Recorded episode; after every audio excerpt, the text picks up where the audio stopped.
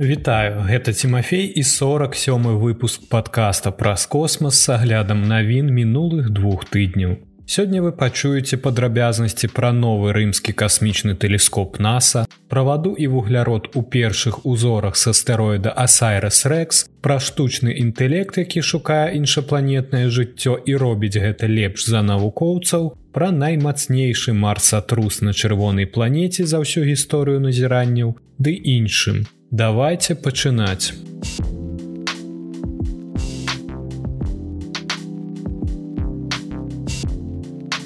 Рымскі касмічны тэлескоп NASAа рыхтуецца да запуску ў 2027 годзе. NASAа мабілізуе навуковую супольнасць, каб гарантаваць, што наступны вялікі касмічны тэлескоп агенства будзе гатовы даць вялікую карціну сусвету амаль адразу пасля запуску.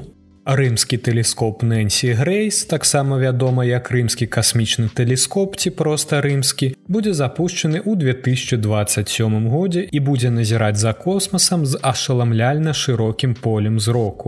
Яго маштабныя назіранні за далёкімі і раннімі галактыкамі могуць дапамагчы навукоўцам разгадаць таямніцы цёмнай матэрыі і цёмнай энергіі. У сукупнасці гэты так званы цёмны сусвет складае 95соткаў энергіі і матэрыі ў космасе. Аднак сапраўдная прырода цёмнай матэрыі і цёмнай энергіі хаваецца ад навукоўцаў. Праца навуковай супольнасці можа дапамагчы аператарам рымскага тэлескопа справіцца з патокам дадзеных, якія ён будзе дасылаць, калі адкрые свае вочы. Падтрымліваючы існуючую інфраструктуру каліброўкі тэлескопа, гэтыя намаганні максімізуюць навуковы патэнцыял інструмента, які спачатку распрацоўваўся пад назвай шырокавугольны інфрачырвоны аглядны тэлескоп, а затым быў перайменаваны ў гонар Нэнсі Грейс Роман першага галоўнага астранаўта NASAа. Мы прыцягваем навуковую супольнасць у цэлым, каб закласці падмурак таму, калі мы прыступім да запуску, мы зможам адразу ж заняцца магутнымі навуковымі даследаваннямі, кажа Джлі Макенры, старэйшая навуковая супрацоўніца праекту. Погляд тэлескопа на космас будзе настолькі шырокі, што ён збярэ вялізную колькасць неапрацаваных дадзеных, якія складаюцца з трыльёнаў асобных вымярэнняў зорак і галактик на працягу сваёй пяцігадовай асноўнай місіі. Таму хуткі і эфектыўны спосаб выяўлення заканамернасцяў у гэтых дадзеных будзе мець вырашальнае значэнне. У наш час праводзяцца сімуляцыі, якія правераць здольнасць алгарытмаў машыннага навучання выяўляць розныя касмічныя з'явы і такім чынам выяўляць гэтыя заканамернасці. Падрыхтоўчая праца складаная часткова таму, што ўсё, што будзе рабіць рымскі касмічны тэлескоп узаемазвязана. Кознае назіранне будзе выкарыстоўвацца некалькімі камандамі для самых розных навуковых даследаванняў, Таму мы ствараем асяроддзе, якое робіць яго максімальна простым для супрацоўніцтва навукоўцам, наколькі гэта магчыма, кажа Макенры. Некалькі іншых тэлескопаў, у тым ліку касмічны тэлескоп Хабл, касмічны тэлескоп Джеймса Уэба, абсерваторыя Кека на Гаваях таксама дапамагаюць падрыхтавацца да навуковых аперацый будучага касмічнага тэлескопа. Гэтыя тэлескопы распрацуюць план назірання для рымскага тэлескопа, уключаючы выбар асноўных мэт і рэгіёнаў даследавання супрацоўніцтва рымскага тэлескопа з іншымі тэлескопамі не скончыцца на пачатку яго працы. Напрыклад, касмічны тэлескоп будзе супрацоўнічаць з праем, тэлескопам размешчаным у паўднёва-афрыканскай астранамічнай абсерваторыі. Каб вывучыць старажытныя галактыкі, рымскі тэлескоп таксама будзе супрацоўнічаць з хаблам, каб зазірнуць у мінулае, атрымліваючы святло, якое падарожнічае па сусвеце на працягу мільярдаў гадоў. Гэта павінна дапамагчы астраномам пабудаваць больш поўную карціну касмічнай гісторыі і эвалюцыі сусвету. Гэта можа нават дапамагчы ім вызначыць ролю цёмнай матэрыі, якая паскарае пашырэнне сусвету, якое працягваецца рассоўваючы галактыкі ўсё хутчэй і хутчэй. Рымскі тэлескоп таксама будзе працаваць з тэлескопам Джеймса Вэба. Хоць у будучага тэлескопа будзе значна шырэйшы погляд на космас, ён не зможа зазірнуць у сусвет так глыбока ці з такім жа ўзроўнем дэталізацыі як Джеймс Веб. Гэта азначае, што рымскі тэлескоп будзе бліскуча працаваць пры выбары астранамічных мэт, за якімі астраномы змогуць сачыць з дапамогай Джеймса Веба, дэталёва павялічваючы іх маштаб. Што тычацца тэхнічных характарыстык, тэлескоп мае галоўная люстэрка дыаметрам 2,4 метра і такога ж памеру, што і галоўная люстэрка касмічнага тэлескопа Хабл.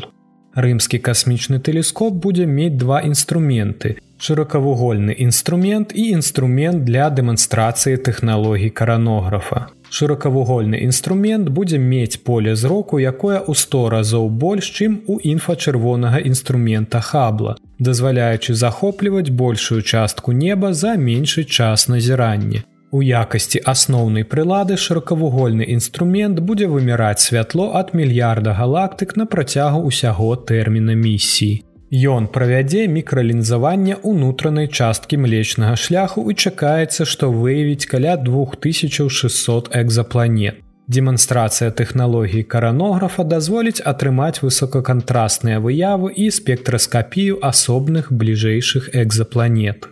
Тэрмін асноўнай місіі рымскага касмічнага тэлескопа складае 5 год з магчымасцю падаўжэння місіі яшчэ на 5 год. Запуск запланаваны на травень 2027 года з дапамогай ракеты Falалcon Heavy.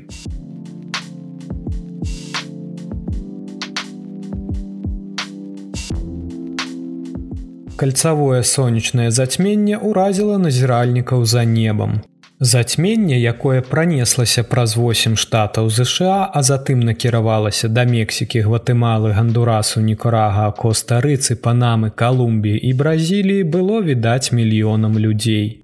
У адрозненні ад поўнага сонечнага зацьмення, калі месяц цалкам закрывае сонца, кольцападобнае зацьменне адбываецца, калі месяц праходзіць паміж зямлёй і сонцам, але не закрывае сонца цалкам, у выніку чаго ўтворваецца яркае кольца. Навукоўцы з NASAа выкарыстоўвалі тэлескопы, якія базуюцца ў альбукерцы і кёрвелі штат Техас у якасці станцыі назірання за сонечным зацьменнем. У кёрвелі назіралася больш за чатыры хвіліны кольцападобнасці, адзін з самых працяглых перыядаў зацьмення.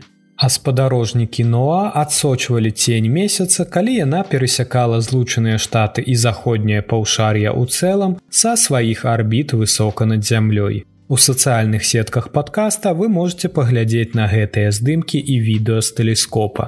Наступнае кольцападобнае зацьменне адбудзецца другога кастрычніка наступнага года і будзе бачна на поўдні Чылі і Аргенціны.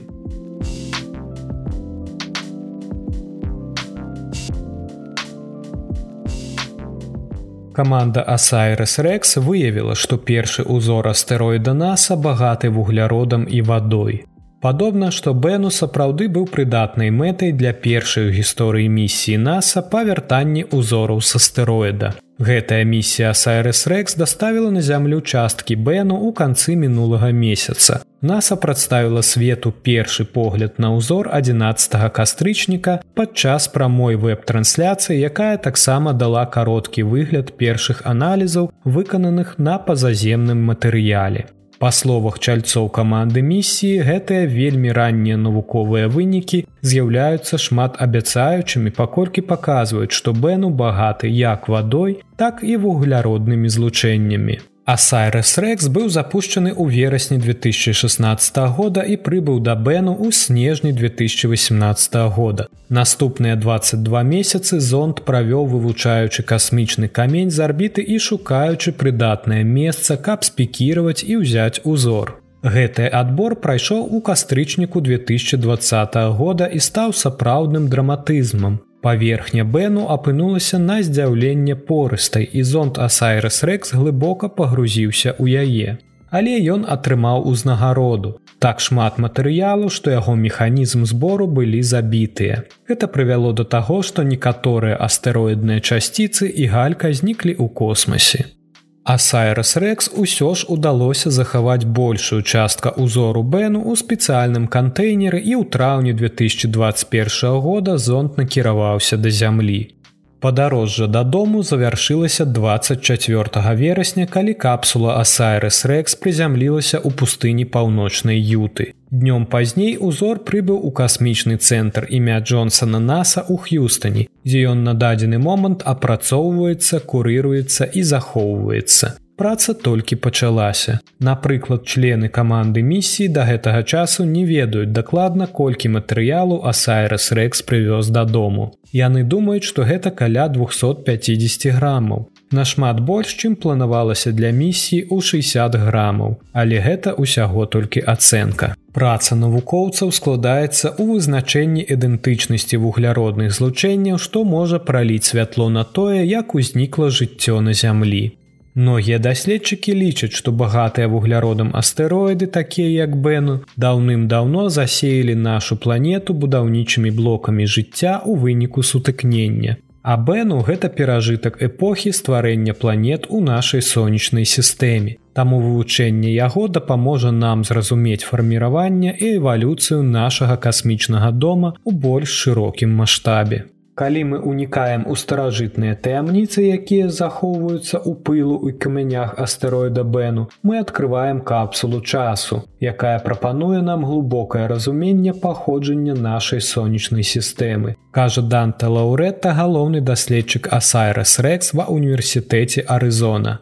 Многа багатага вугляродам матэрыялу і прысутнасць водазмяшчальных гліністых матэрыялаў это толькі верхавіна касмічнага айсберга кожным адкрыццем звязаным з бэну навукоўцы набліжаюцца да разгадкі таямніц нашай касмічнай спадчыны.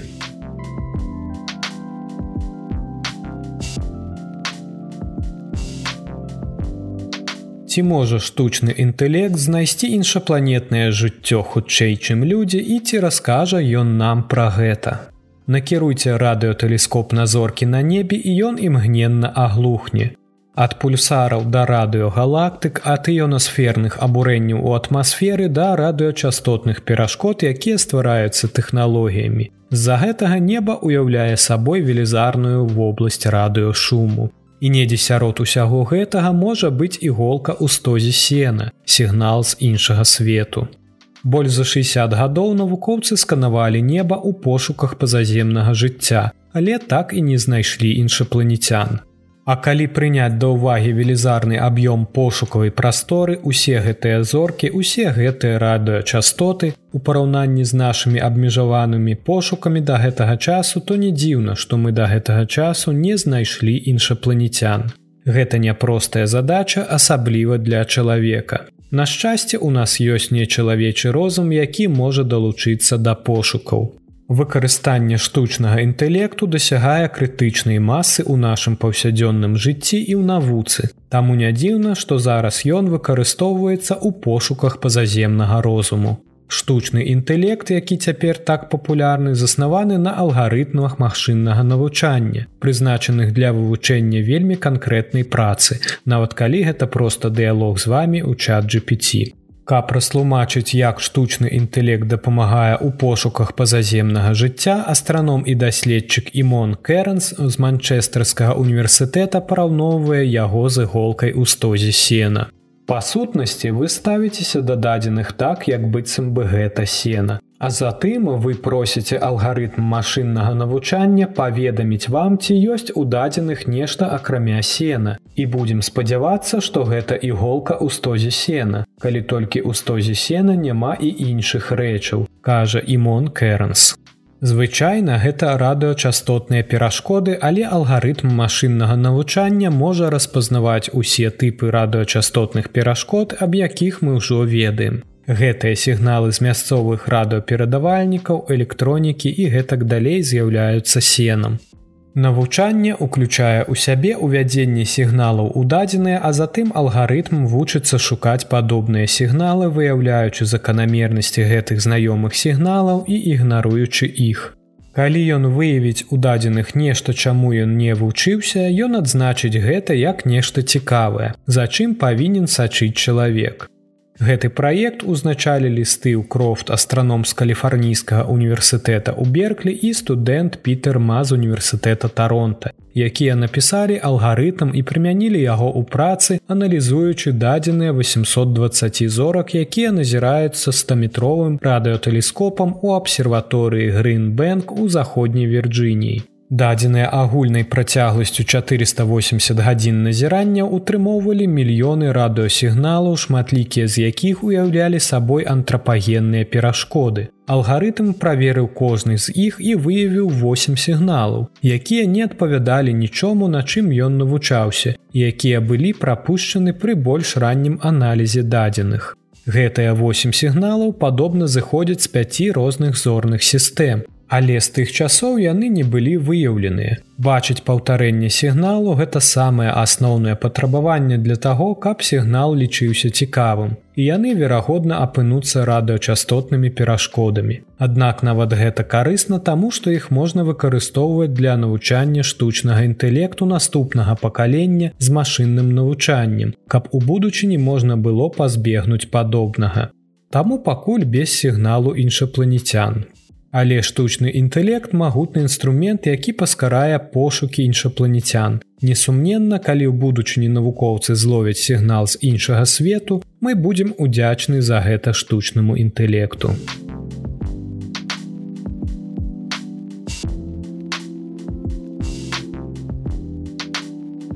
У мінулым годзе на марсе здарыўся наймацнейшы марсатрус за ўсю гісторыю.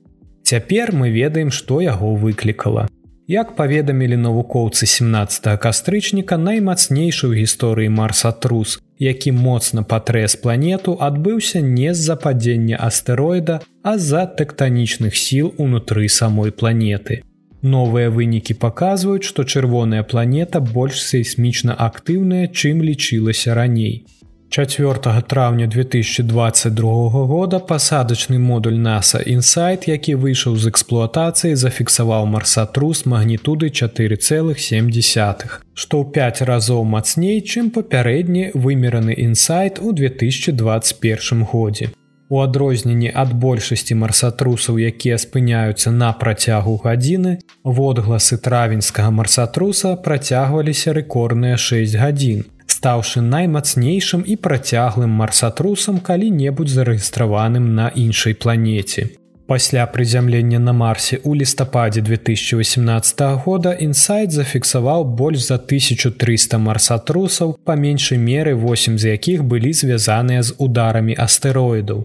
Сігнал магутнага марсатруса ў траўні 2022 года быў вымераны адчувальным сейсмометрам на борце пасадачнага модуля і быў падобны на іншыя выкліканыя ударамі астэроідаў. Таму навукоўцы пачалі пошукі свежага кратара шырынёй 300 метраў на марсе і шлейфу пылу, які з'явіўся падразу пасля падзення астэроіда. Па словах навукоўцаў, каманды з Індыі, Китая, Еўропы і аб'яднаных арабскіх эміратаў шукалі гэтыя індыкатары, выкарыстоўваючы адпаведныя арбітальныя апараты, якія круцяцца вакол месяца, але яны так і не былі знойдзеныя. Вось чаму пасля некалькіх месяцаў пошукаў навукоўцы прыйшлі да высновы, што марсатрус меў тэктанічнае паходжанне.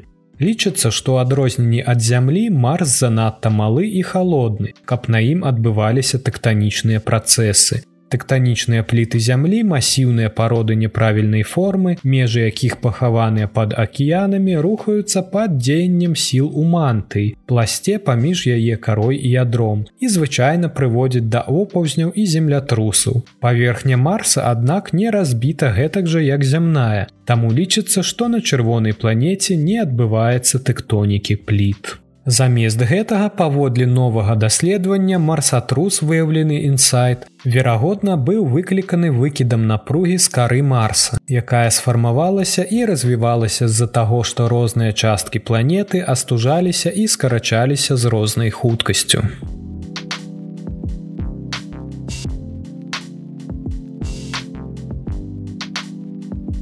Гэта ўсе навіны, пра якія я хацеў распавесці вам у выпуску. Цяпер пагаворым аб падзеях наступных тыдняў.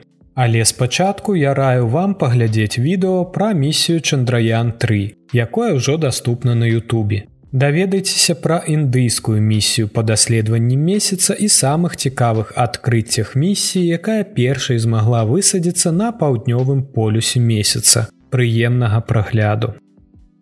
24 кастрычніка месяц асветлены на 74соткі сустрэнецца з сатурнам у сузор'і вадалея. Яны ўзыдуць яшчэ днём да таго часу, калі сонца зойдзе. Абодва свяцілы будуць бачныя на вячэрнім небе няўзброеным вокам і ў бінокль. У гэтым месяцы поўня наступіць 28 кастрычніка у 2324 па мінскім часе або ў 2024 па грынвічы. Тым часам наш спадарожнік будзе знаходзіцца ў сузор'і Авена. Месяц будзе здавацца поўней прыкладна тры дні. Так што у вас будзе дастаткова часу для прагулак пры месячным святле. Гэта поўня называецца паляўнічы месяц і назва не прывязана да нейкага пэўнага месяца. Так называюць поўню, якая надыходзіць следам за ўраджайным месяцам. Таксама 28 кастрычніка будзе неглубокае частковае месячнае зацьменне, але гэта будзе самае глыбокае месячнае зацьменне да 2025 года, хоць і не настолькі захапляльнае, як нам хацелася б. Пабачыць зацьменне можна будзе і неўзброеным вокам. Частковае месячнае зацьменне адбываецца, калі частка месяца апускаецца ў самую цёмную частку цені зямлі і месяц выглядае часткова прыцямнённым. Месячнае зацьменне будзе відаць з любой кропкі свету, дзе ў гэты час ноч. У некаторых месцах можна будзе ўбачыць усё зацьменне цалкам, а ў іншых толькі яго частку, паколькі месяц там узыдзе пазней або зыдзе раней. Частковае зацьменне дасягае максімум у 2314 па беларускім часе або ў 2014 па грынвічы 28 кастрычніка. 29 кастрычніка на наступны дзень пасля поўні паўмесяц сустрэнецца з яркім юпітарам у сузор'і Авена. Нябесныя целы будуць знаходзіцца ў небе ад заходу да ўзыходу сонца і дасягнуць найвышэйшай кропкі ў небе да поўначы па мясцовым часе. І месяц і планета лёгка бачная неўзброеным вокам і ў бінокль. Далучайцеся да сацыяльных сетак падкаста і не прапусціце нічога цікавага. Усе спасылкі чакаюць вас у апісанні. Дзякуй, што даслухалі да канца. Вялікая падзяка маім патронам. Вы заўсёды можете далучыцца і падтрымаць выхад новых відэа і выпускаў падкаста. Пачуемся праз два тыдні.